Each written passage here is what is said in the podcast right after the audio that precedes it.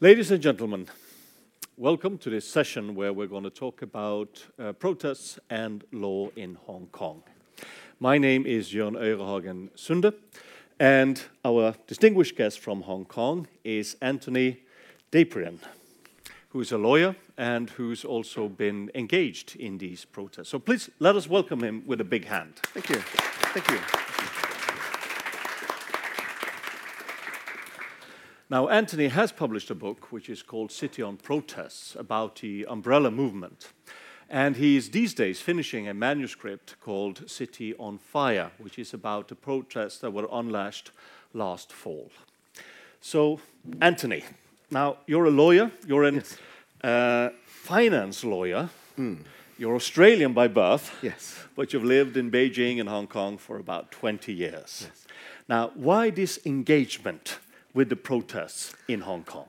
So, uh, as you say, I'm originally from Australia. I studied in Beijing for two years when I was at university, and then following university, moved to moved to Hong Kong. Uh, and Hong Kong is a, a city that's very easy to live in. It's designed to be a place where you can you know, step off the aeroplane, unpack your suitcases, and, and be in the office on Monday morning and, and, and bring your family, and everyone can be sort of settled in and, and working and living very easily and very quickly. So it's an easy place to live, um, but it's not necessarily an easy place to feel at home in. Um, and so I lived in Hong Kong for five years from 99 to 2004. In 2004, I moved back to Beijing. I was there for another six years and then moved from Beijing back to Hong Kong in 2010. Um, and sort of been in Hong Kong since then, but all of that time sort of back and forth between Beijing and, and Hong Kong. And for, for, much of that time, I, I, always felt very at home in, in Beijing, and, and perhaps that was because I'd been there as a student and you inevitably have a, a connection with the place where you were a student. Um, it also helped that I, I speak Mandarin Chinese, but my Cantonese is, is quite rusty, the, the dialect that's spoken in Hong Kong. But I never really felt a, a, strong sense of connection to Hong Kong. I didn't feel at home there. Um, until the Umbrella Movement protests of 2014. And those protests happened uh, in the neighborhood where I was living. I was living just a couple of blocks away from where the, the Umbrella Movement protests um, unfolded. And so I'd been there even in, in, in, the weeks leading up to the, to the when those when the occupation began, and then uh, was there every single day um, and, and, nights as well uh, with the protesters. And uh, the experience of being there actually was the first time that I really felt um, a strong sense of community, uh, of living, of being in Hong Kong and, and being um, accepted as part of the community and, and, suddenly identifying myself with the city and, and identifying. Uh, you know, after you know, 15 years after I'd arrived, finally having a sense that this was a home and it was also a place in that protester community at the Umbrella Movement occupied site that I felt uh, accepted as part of the Hong Kong community, and I began to, to write and photograph about the protest movements. Um, and, and that sort of was really what caught my attention, alongside all the other issues that, that make it interesting the, the issues of, of politics and rights and freedoms, and indeed the, the related legal issues that, that were related to, to my own career as, as a lawyer as well. So it was that sort of sense of identification and community that, that really sparked my interest. Yeah, because you begin the, uh, the book, uh, City uh, of Protest, with a quite personal account mm. of your encounter with the umbrella movement. Be mm. But before we go on in this conversation, you have to tell us more about what is the umbrella movement mm. all about, because the name is not self-explanatory. Yes, indeed. It wasn't a protest about umbrellas. um, so uh, this goes back to 2014. Um, uh, the, the essential, the, the core of that protest was that uh, Hong Kong had been promised universal suffrage for the election of its chief executive, which was the equivalent of the, the governor in post handover Hong Kong, the, the, the, head of the Hong Kong government. Um, Beijing suggested a, a, model for universal suffrage that they were willing to offer to Hong Kong, um, but it didn't meet the standards of a, of a proper open uh, democracy. There were going to be a limited number of candidates. Those candidates would be pre vetted by Beijing, by a committee effectively controlled by Beijing, and people would only be able to vote for, for those candidates. It was a system designed to ensure that Beijing would have control over who could participate in and ultimately win that election.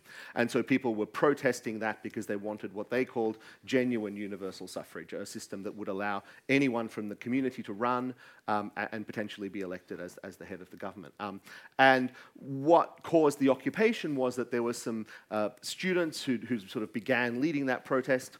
uh, on uh, the day on, on, a weekend where many other protesters came down to try and join the protesting students and, and help join that protest. The police tried to block access to the site. Um, uh, because people couldn't access the site, they overflowed onto the roads.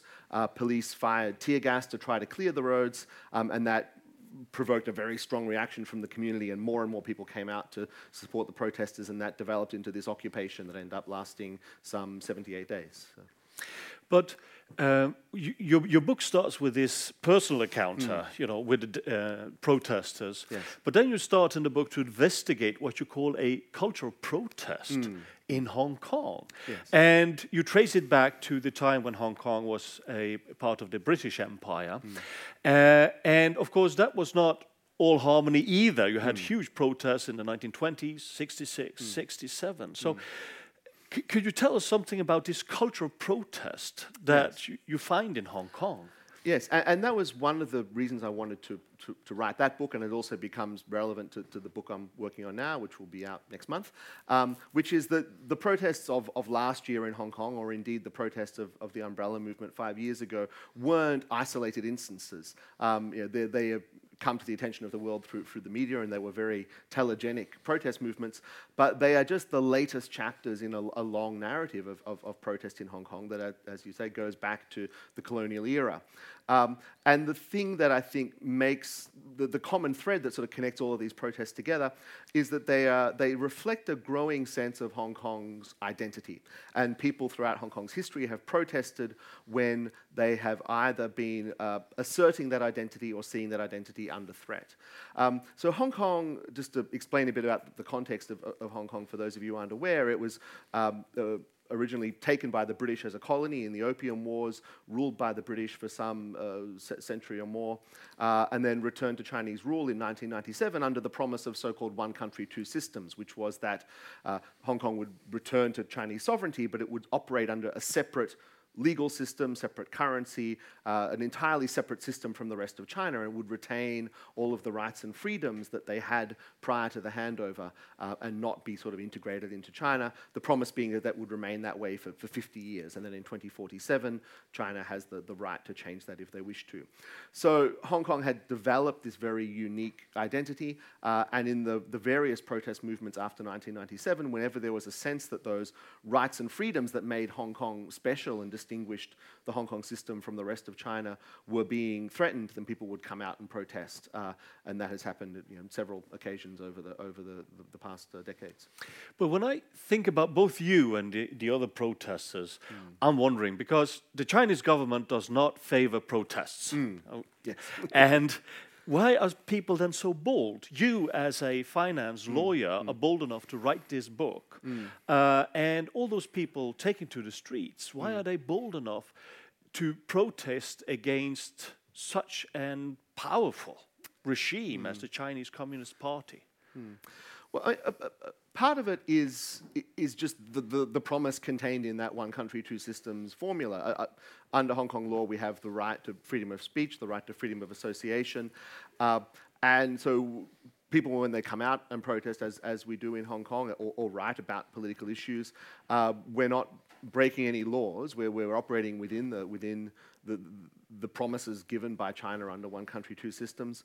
Um, and I think in the act of, of doing that, and I think in particular from the point of view of Hong Kongers who are out there protesting, it, it becomes a performance of identity. If, mm. if the rights and freedoms are what distinguishes Hong Kong from the rest of China, then by going out on the streets and exercising those rights of freedoms, they're asserting their identity as Hong Kongers and as a unique part of Hong Kong as distinct, uh, of China as distinct from, from the rest of the country. Um, so that's sort of, I think, the first aspect of it. Um, and I guess to the second part of your question as to why do I do it, um, uh, uh, partly, as I say, I, I, it shouldn't be controversial. Um, uh, and, and, of course, the, the famous saying that a, a, a, right not exercised is a right lost. So if we don't exercise these rights and freedoms that we are supposed to have, then we lose them. So I, I think it's important to continue to exercise those rights so that we can continue to enjoy them. Um, but also, I, I feel I have an obligation to do so as someone who, who understands the law and can articulate myself reasonably well in the printed form um, to, to, to, raise attention to these issues and, and, and share information about that with, with the wider world. So, um, in a way, I, I can't not do it, I think.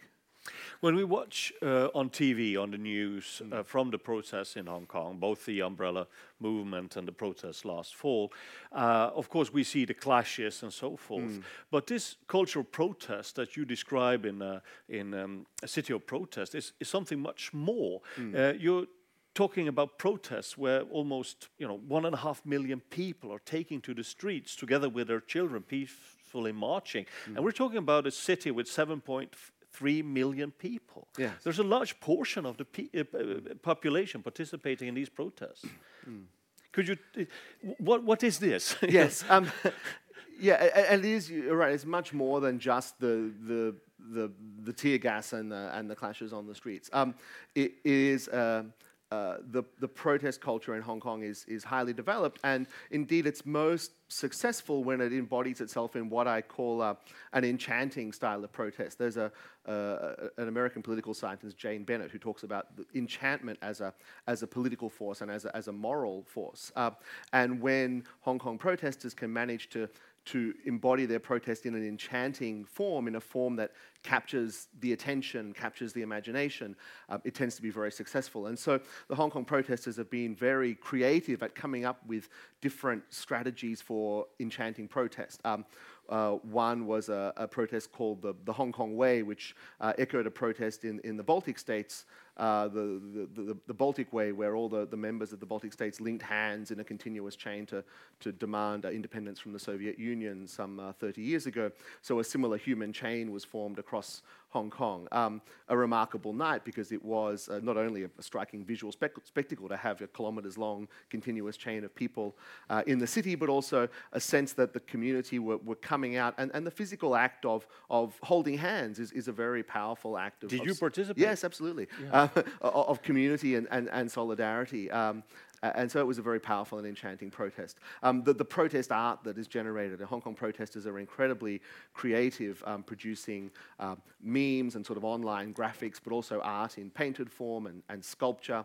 And then these are circulated online or posted on the so called Lennon walls, which have blossomed across the city uh, as sites for exhibition of art and public debate and sharing of ideas and information. Um, uh, even protests such as the, the protests in Hong Kong airport, uh, where the protesters, uh, in a sort of flash mob style, descended on Hong Kong airport um, and blockaded the airport.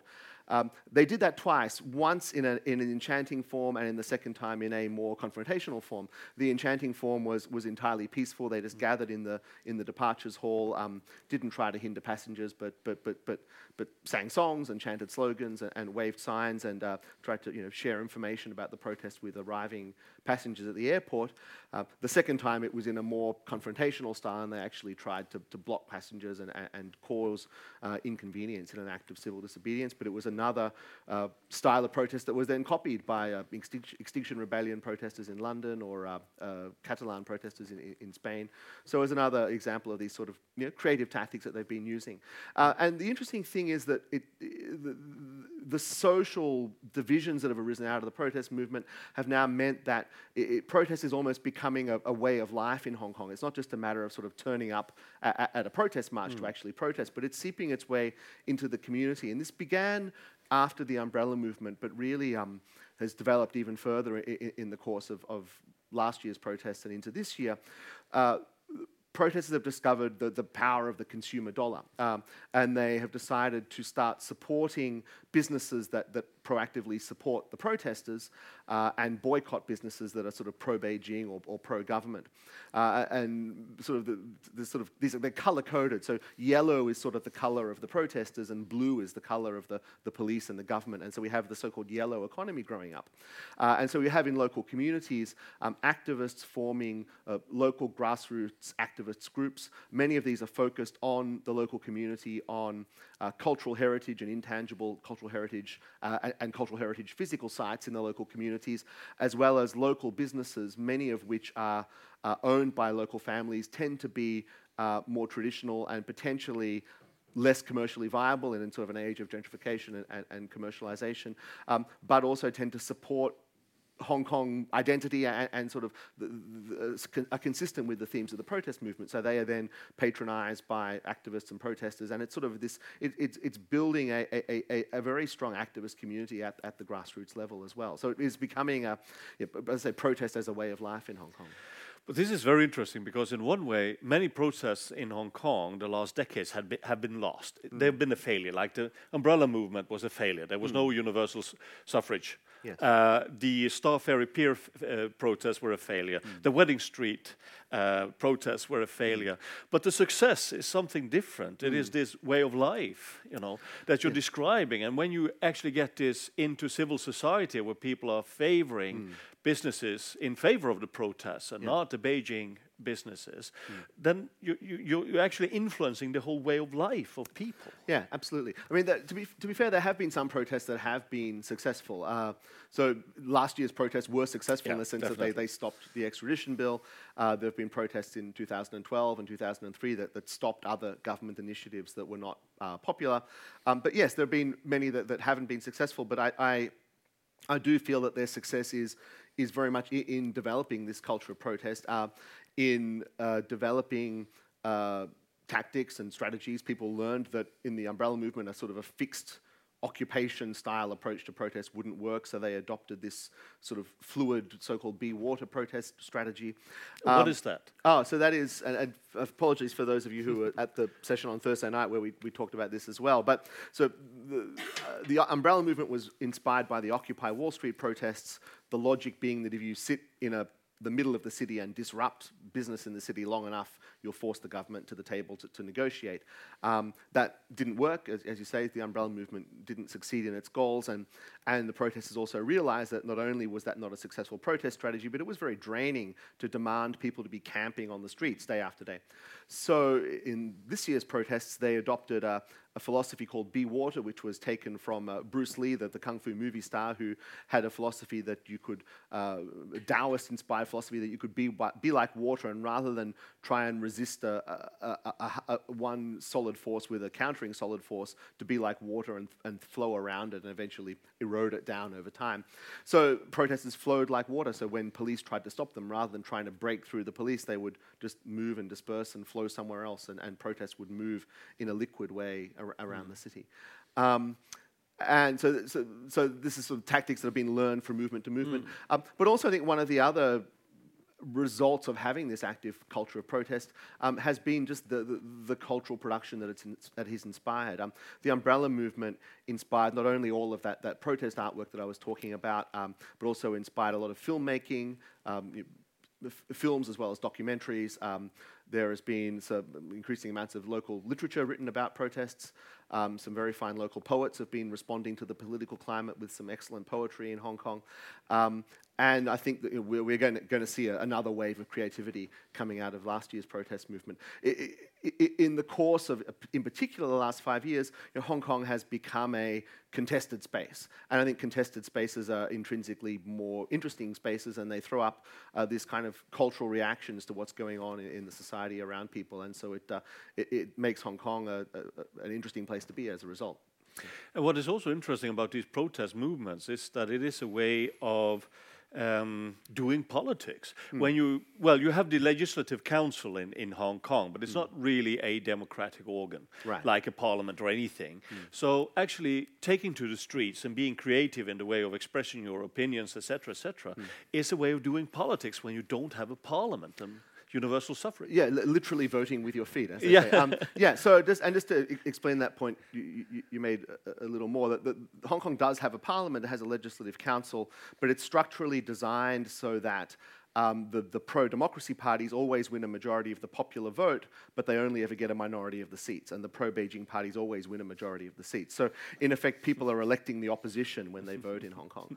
Um, and, and, so it means that you, you're right, you can't express your will through the ballot box, so you have to find other ways to do it. And protest is one of the ways that it's been done. And interestingly, in last year's protests, people uh, effectively took control of the dem- democratic process by uh, voting on the protests themselves through online means. So they developed uh, online forums, uh, chat groups inside the, the Telegram app where you can have polls and vote. And people were then voting on what protest strategies they, strategies they should employ. Um, whether they should target the airport or not, what day they should go to the airport, how long should they stay for, when should they leave. Uh, various strategies were all discussed and debated and voted upon uh, in these online forums. So it, was a sense of participatory democracy which you know, denied to them through the formal political process, they then created themselves and then implemented in their own protest movement. Now, this, they can't be happy about this in Beijing. Hmm. And, you know, just as a, you know, every year in Hong Kong, 4th of June, the 1st of July. First of July. Yes, yes. Oh, you, sorry. Uh, sorry. 4th of June, 4th of June sorry, commemorating the Tiananmen Square. Sorry, yes, yes. Yes. yes. Uh, so people meet in mm. Victoria Park, which is in, in you know, the mm. central park of yes. Hong Kong, to commemorate the Tiananmen Square. And if you've been to Beijing and at Tiananmen Square, you know that the police don't want any gathering, they don't want any commemoration mm. mm. of that event. But this is happening every year in Hong Kong, which is then a part of China in one way, though yeah. it's a different system. So they can't be happy. No, uh, is it though, uh, do they have a reason to be afraid? Does this have any effect in China, what you're doing in Hong Kong?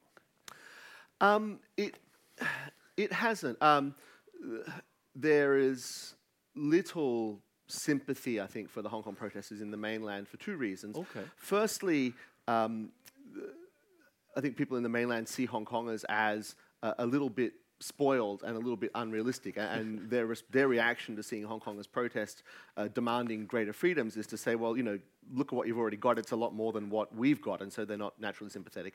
Um, also, there is an element of the Hong Kong protests which has a, a localist, nativist angle to it, uh, which can manifest itself in a sort of a slightly yeah, xenophobic, racist, anti-mainlander sentiment. And the mainland propaganda organs and the media will try and highlight that when it's reported in the mainland to generate this sense in the mainland that Hong Kongers hate mainlanders and to try and you know, foster a similar emotion in return, to, precisely to stop the protests, you know, contagion of the protests across the border or sort of sympathetic protests um, across the border in, in, into mainland China. Now, what's been interesting, and this is just literally over the last couple of days, is that with the, the Wuhan flu, the coronavirus in the mainland, um, there's increasing discontent in, in, the mainland about the way that the government has handled that, and in particular with the death of Dr. Li Wenliang, who was one of the first whistleblowers uh, in relation to this virus, who was then arrested and warned by the police uh, for, for spreading rumors. Um, he, he, subsequently died a few days ago, and his death caused a, a, a huge uh, outpouring of, of, of, both grief and anger in the mainland. And what has been interesting to see is people on the mainland wittingly or un- unwittingly, I- am not sure, but picking up uh, similar protest tactics mm. to respond to that. Um, so we've seen protest art depicting Dr. Li with a, a face mask rendered in, in barbed wire. Um, we've seen um, calls for people in Wuhan to, to at a specified time each night to, to blow whistles out their windows or to call from their apartment windows, which was something that Hong Kongers were doing last year, uh, uh, initiated last year, that at a certain time every night people should call protest slogans out their windows to sort of rally community support. Um, and also seeing expressions online in various coded fashions and through memes and these sorts of things in mainland social media um, commemorating the death of Dr. Li and protesting against the government. So they are sort of following, in some ways, following the Hong Kong playbook. And it's going to be interesting to see um, how the mainland government react to that. I suspect they'll do what they've done in the past, which is allow a certain degree of, of venting because they recognize that it's healthy and it would be unhealthy to try and shut it down entirely, but they'll stop it before it gets too far from their point of view and will no doubt crack down hard on anyone who becomes too prominent in the process. But it's, it's, a, it's a playbook they followed before, but it's just interesting to see that it's, uh, it, it's something that, uh, that, there are parallels between what happened in Hong Kong last year and what are happening in, in the mainland right now. So. Because it means that this town of 7.3 million people are mm. actually influencing the political life in a country with 1.4 billion people. Yeah, and I think that's what probably you know, China was always afraid of. And it's, it's interesting to, to uh, I guess, to think about what everyone had in mind when Deng Xiaoping and Margaret Thatcher signed the, the joint declaration that sort of was the agreement that, that, that, led to Hong Kong's handover back to China in, in 1984. They, they signed up to this clause that said there'll be 50 years with no change. So I think for both you know, Margaret Thatcher and, and Deng Xiaoping in 1984 thinking about what China would be like in 2047, at that point, some 60 years away or more, 70 years away. Uh, I wonder what they both had in mind. I think mm. you know the the West was hoping you know, China had started on this road to reform, and I think the West had assumed or hoped that by then China would be a liberal democracy, not too different to their own. And I wonder if Deng Xiaoping didn't think maybe a similar kind of thing, um, bearing in mind that 70 years previously China had not had not long seen, not long earlier seen the fall of the Qing dynasty. So mm. there's a, a, lot of history gets packed into 70 years of modern Chinese history. So um, w- one of the perhaps one of the the sparks that sort of led to the protests over the last year being even more, um, perhaps more intense, is this realization that China hasn't been heading in that direction. If anything, mm. it's been going backwards.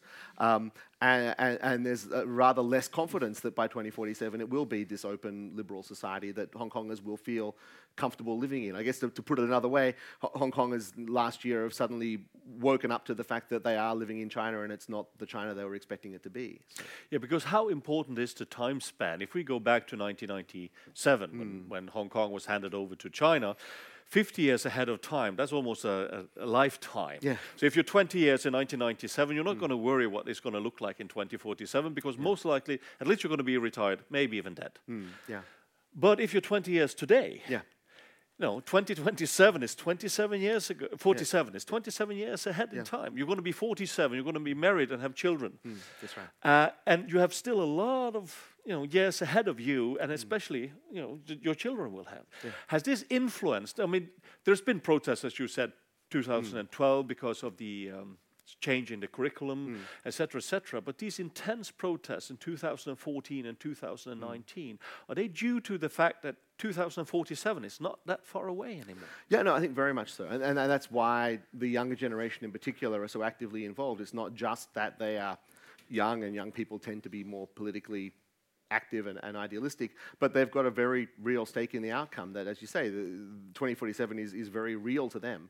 Um, and for many of them, they don't have other options. They, they, you know, some people have you know, second passports and the ability to, to, to go somewhere else if they want to. But for many of these young people, that's home, and, and they want it to be a home that they're comfortable and happy living in. And that's why they're so, uh, uh, speaking to them on the street, they sort of say, This is our, our, our, last chance to fight for the future of our home. And if, if we don't win, it means you know, the, the, the death of Hong Kong. So it's really something that, they, that, that is, is very much motivating them and at the forefront of their minds, I think.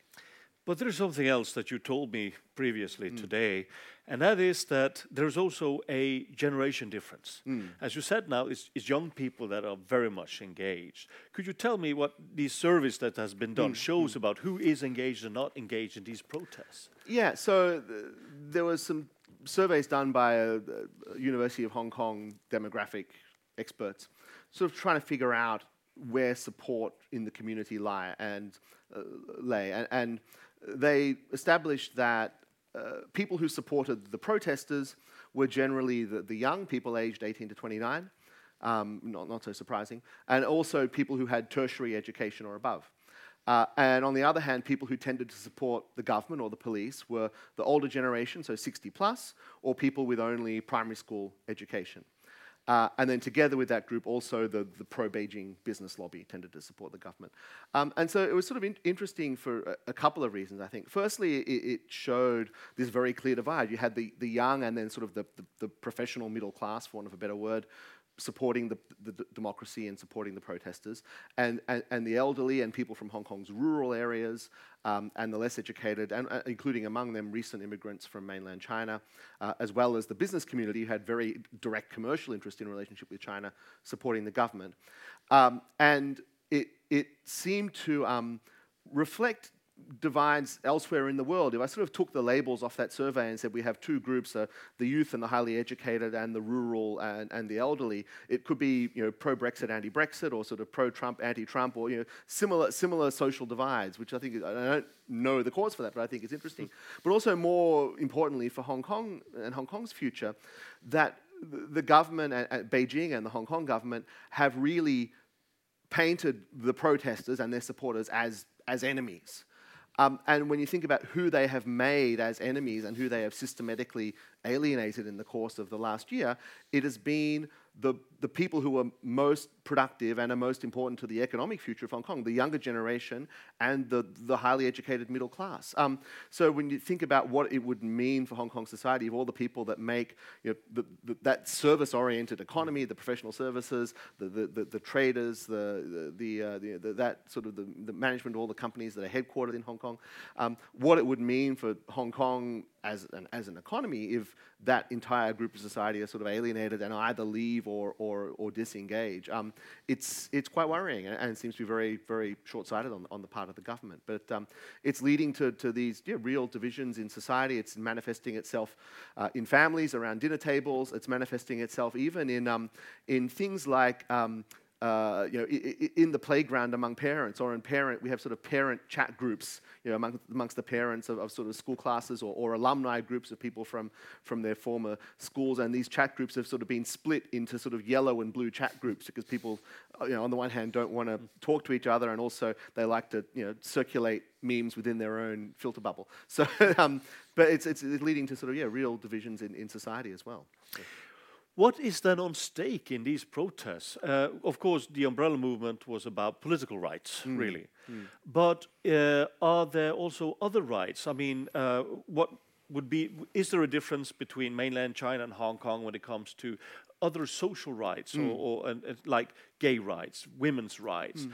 All those kind of rights are they also on stake? Somewhat not not discussed in the riots or in the rallies in the streets, but um, yeah, I mean those so yeah, the, the, those same the same fundamental rights and freedoms, are, uh, I think, underlie and underwrite the exercise of all, all those rights and, and the rights and interests of all those groups in society. So I think it's fair to say that whether you're talking about L- LGBT rights mm. or uh, you know, freedom of the press or academic freedom, um, uh, or indeed any of these other sort of rights and freedoms, that in Hong Kong they are generally at a standard you would expect to be commensurate with a, a, a liberal democracy, um, and, also generally better than they are in, in mainland China. In, terms of what's at stake in the current protests, as well as the, the political aspect, the, the other key thing that has been a, a really big source of community anger and been a, become a focal point for the protests um, has been actually the issue of police violence.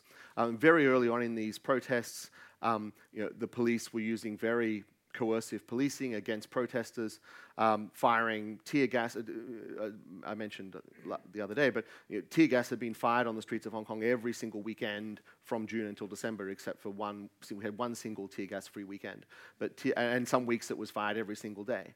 Um, uh, rubber bullets, beanbag rounds, um, police beating up people with batons, um, police firing tear gas when the street has got innocent passers-by, and it, it, it, really has been extremely coercive policing. And so one of the demands of the protesters has been to, for there to be an independent investigation, an independent inquiry, a judicial inquiry into the policing.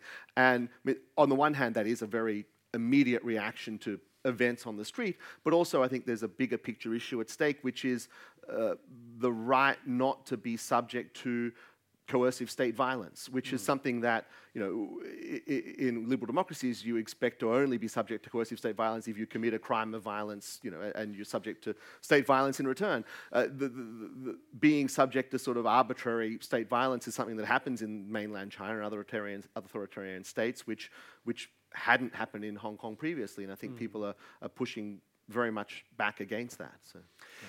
But uh, using violence is one way of suppressing protest. Mm. But in your recent book, which is not yet done but mm. out next month, hopefully, yes.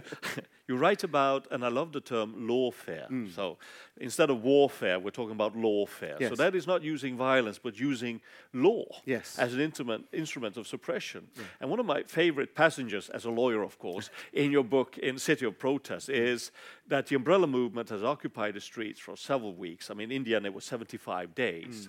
And then the taxi companies and the minibus companies takes a case to the High Court saying that, you know, we, we, we can't perform our business when they're occupying the streets. Mm. And because of that, you have to clear the streets. Mm. And it looks so wonderful legally, you know, it's non-political. Mm. Probably there was an informal political initiative mm. for the taxi companies and the minibus companies to take this case to the courts. Yeah. That's just one way of using law mm. to suppress. Now, could you talk about what you mean about lawfare in Hong Kong? Yes, um, and, and just to take one step back to explain the importance of it, which is that one of the ways I talked about the, the, one country, two systems. One of the ways that Hong Kong distinguishes itself from the rest of China is that it has its own legal system derived from the, the British common law legal system. It has uh, independent courts and independent judiciary um, and sort of the traditional three-way separation of powers that are, are, derived from common law jurisdictions that China doesn't have. And it has a, a, a, transparent and reliable legal system. And so Hong Kong's rule of law has been something that um, Hong Kong and, and indeed the Hong Kong government have, have touted as being one of Hong Kong's uh, key competitive advantages. It's been the thing that has distinguished Hong Kong from the rest of China, the thing that has attracted foreign businesses to do business in China, to be comfortable doing business in China. So Hong Kong's legal system and the rule of law is sort of a, an intrinsic good that everyone agrees is, is important to, to Hong Kong. And so uh, the Hong Kong government, and, and I think you know, Beijing working with them, has been very clever to to use that legal system as cover for taking various political actions and using it in a targeted way to, to target dissent. Knowing that if they do that and then say, hey, oh, we're, we're just upholding the law, we're, we're just instituting rule of law here, uh, it sort of immunizes them from, from criticism from the international community and, and, and, and so on. So, in addition to the, the injunctions that we use to end the umbrella movement, so solving this political problem by using the civil, the civil courts, um, the, the, government had uh, then very aggressively uh, targeted the umbrella movement leaders, um, charged them with various public order offences, um, prosecuted them, uh, and ultimately got jail terms for many of them. They have uh, used the um, uh, they have manipulated the electoral system to uh, require candidates to, to, to, to pre-screen candidates for, for election by examining their previous public statements and if they'd made any public statements that suggested that they supported or advocated independence or self-determination for Hong Kong to say that that was illegal because it breached the one country, two systems principle and therefore barring them from standing for election. Um, and when uh, some of the those candidates were indeed successfully elected to office, but chose to um, carry out various acts of protest during their oath swearing when they were being sworn into office. Um, the National People's Congress in Beijing um, again intervened in the, the, court processes in Hong Kong to um, trying to let me simplify a very complex legal process in a couple of sentences to, to, to say that they uh, to, to basically invent a new clause of the law that said if you muck up your oath when you swear it you're automatically kicked out of office um, and then the government then applied that to, to kick six democratic legislators uh, out of office so they've consistently been using the legal system in a very targeted way to hmm. target mm. dissent to try and make the cost of dissent uh, too high to bear, both in terms of the financial cost of having to defend yourself in court mm. um, and the costs in terms of going to jail and all what that means for people's futures and, and so on. Um, and doing that using the, the, the, cover of, of the legal system. Um, and, and so it's been, uh, it, it's, it's been um, effective in the sense that they've been able to do that. What, what I think they don't realize is that uh, or maybe they realize but they don't care, by, by treating the legal system in this way, they're, they're undermining it. And, and, Hong Kong's legal system can only bear so many attacks in this way before people begin to, again, lose confidence in that legal system and see that it, uh, begin to see it as a legal system no more transparent or reliable or mm. trustworthy than the mainland's. Now, what's interesting is that, it, that the Hong Kong authorities in Beijing have been aided and abetted in their efforts to, to manipulate the legal system in this way by the fact that the old British colonial laws are still on the books. So, laws that the British instituted in the 1920s to counter um, seamen strike in the 1920s, laws that the British instituted in the 1960s to counter um, pro Chairman Mao Cultural Revolution protests in 1967, um, were all still on the books, not used by the British much in the, in the 70s, 80s, and 90s, but now being revived by the Hong Kong government and used against the protesters today. Um, so it, it's sort of, uh, there's an irony there, I, I think that, yeah. But and also th this is an old tactic, I think, of any authoritarian regime. Mm.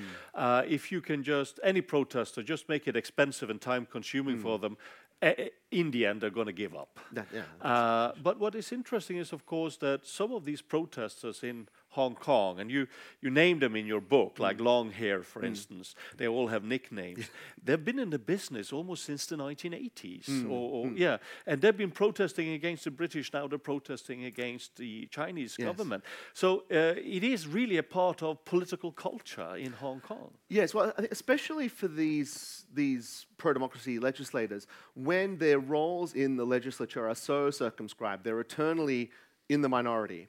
So they they can't. They're not in a position necessarily to block legislation. They're not in a position to propose their own legislation, but they are in a position to stage acts of protest, which they sometimes do inside the legislative chana- chamber, and they also have um, a figurehead role on the streets, leading these protests, you know, standing at the front of the marches, holding the megaphones, chanting the slogans, um, uh, you know, being the people that organize the marches, um, and acting as these sorts of figureheads to, to, to lead uh, community opposition to, to, to various government initiatives and so on. So it becomes an important part of their role as, as politicians because it's almost the only formal role that the system enables them to, to, to have.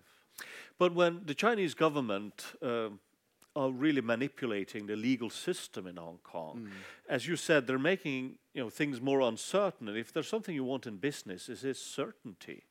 So manipulating the legal system to get to these protesters, they're actually endangering the economic success Yes. of Hong Kong. Is this worrying them?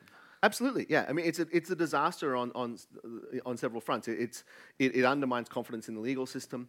Um, it, it, uh, it, it's, it leads people to, to ask the question. And, and really, when you're an international business making long term investment decisions, once you ask the question, even if the answer ultimately is, oh, it, it, it's okay, the fact that the question has been asked is, or, is really, the battle's already lost. Because as soon as there's an element of uncertainty or an element of risk, you then say, well, maybe Singapore is better, or maybe, you know, Taiwan is better, or Korea, or Japan, or wherever. Um, and, and so it, it, it, it's, a, it's really been a disaster. And, and, and it's, it's a, one of the many, many casualties, of, I think, of the, the, the last year's protests. I mean, that, that lack of, that sort of loss of confidence in the legal system has been one, loss of confidence in the, the capability of the Hong Kong government as a whole. I mean, the Hong Kong government essentially has disappeared for the last six months. We've been a, a city without a government, effectively. Um, Beijing's been calling the shots from behind the scenes. Uh, the city's leaders basically disappeared from view. The, the Legislative Council didn't convene for many months.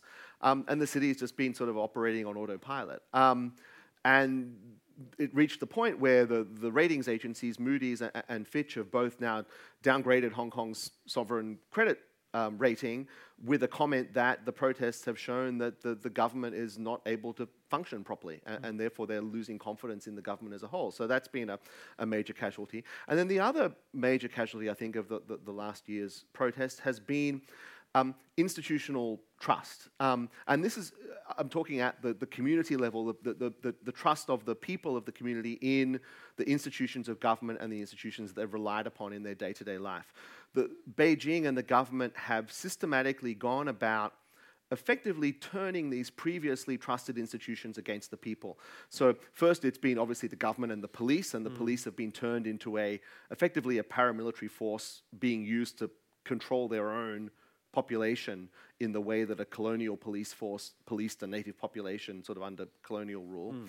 Um, the MTR, the, the, the, the subway system, uh, previously seen as, a, as sort of a friend of the people, that people relied on it to get around the city, um, was told to shut down when there were protests um, and uh, effectively stopped serving the community during protests. And people sort of then saw that the, the MTR had become, a, uh, had become an enemy.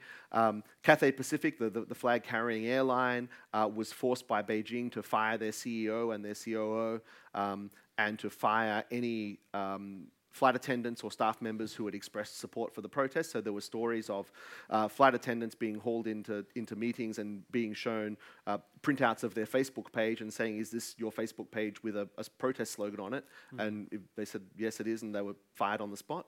Um, and so, again, people's trust in their, their airline in the sense that you know, people feel a certain degree of you know, uh, ownership in the in the, the, the city's airline was undermined. Um, uh, HSBC, the biggest bank, was forced to close down bank accounts that were operated by protest organizations. So one by one, all of these trusted institutions that people interact with on a daily basis in their lives have um, been turned against them, and that sort of undermining of, of institutional trust, I think, is going to be a really uh, key casualty for, for, for, the Hong Kong community as a, as a result of the, the last year's events. So.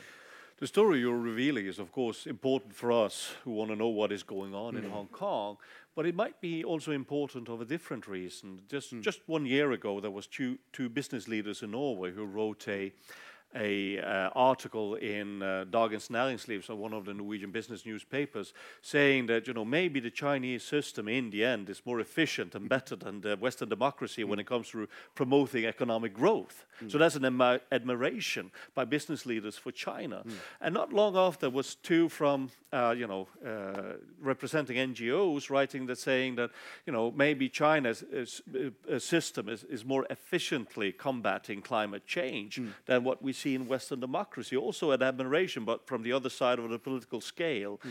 Uh, but what you're telling us doesn't give actually much room for admiration of a system suppressing people.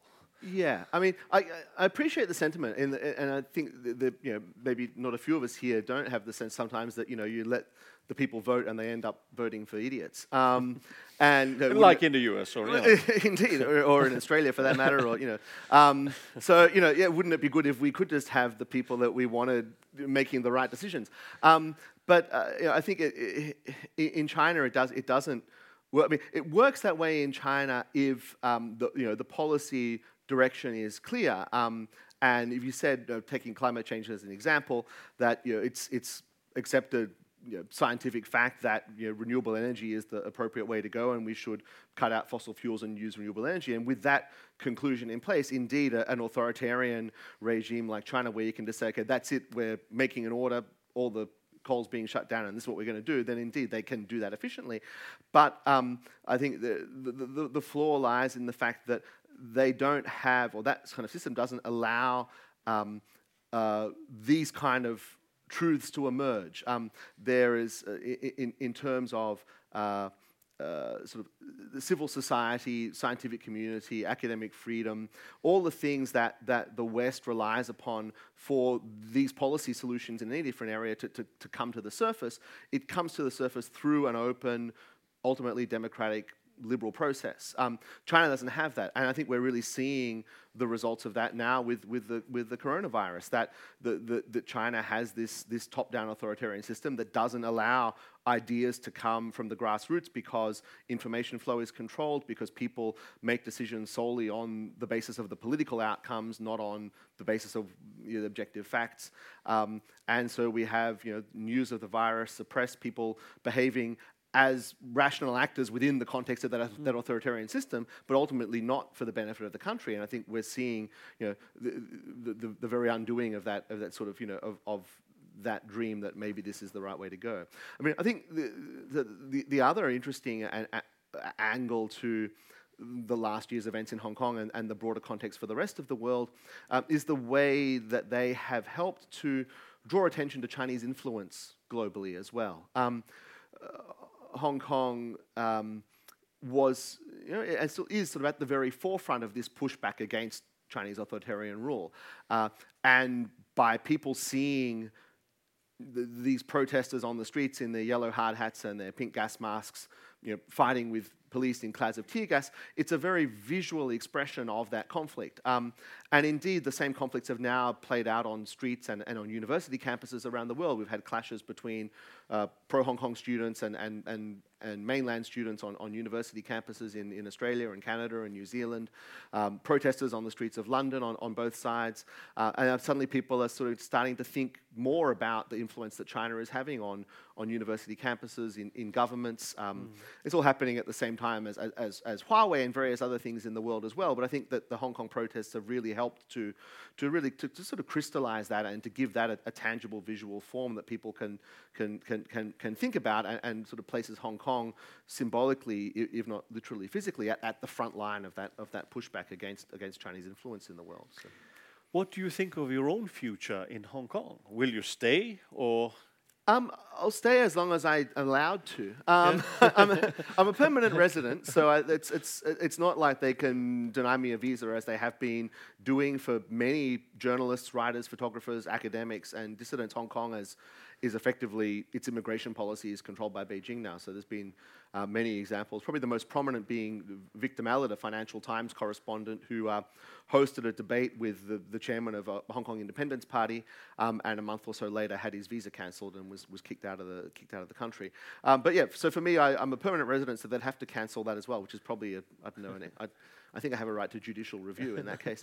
Um, but yeah, and I mean, Hong Kong is is is I've been there for more than 20 years now. Um, it's uh, um, uh, kind of perversely a more interesting place to be now than it ever was before. Um, not just because as, as a writer, there's all these things happening that are fascinating to, to, to watch and to think about and to write about, but also culturally because of the, the, the, community life that, that this activist culture has brought up because of uh, the, the, the, cultural activities around that. It's just now a really interesting place to be. And, and paradoxically, that has happened at the same time as, as Beijing, sort of the, the other second home of mine, has become much less interesting. Um, under Xi Jinping, um, you know, cultural activity in, in Beijing has been very much shut down used to have a very lively gallery scene, um, very lively underground music scene. All of that is, is, is basically shut down.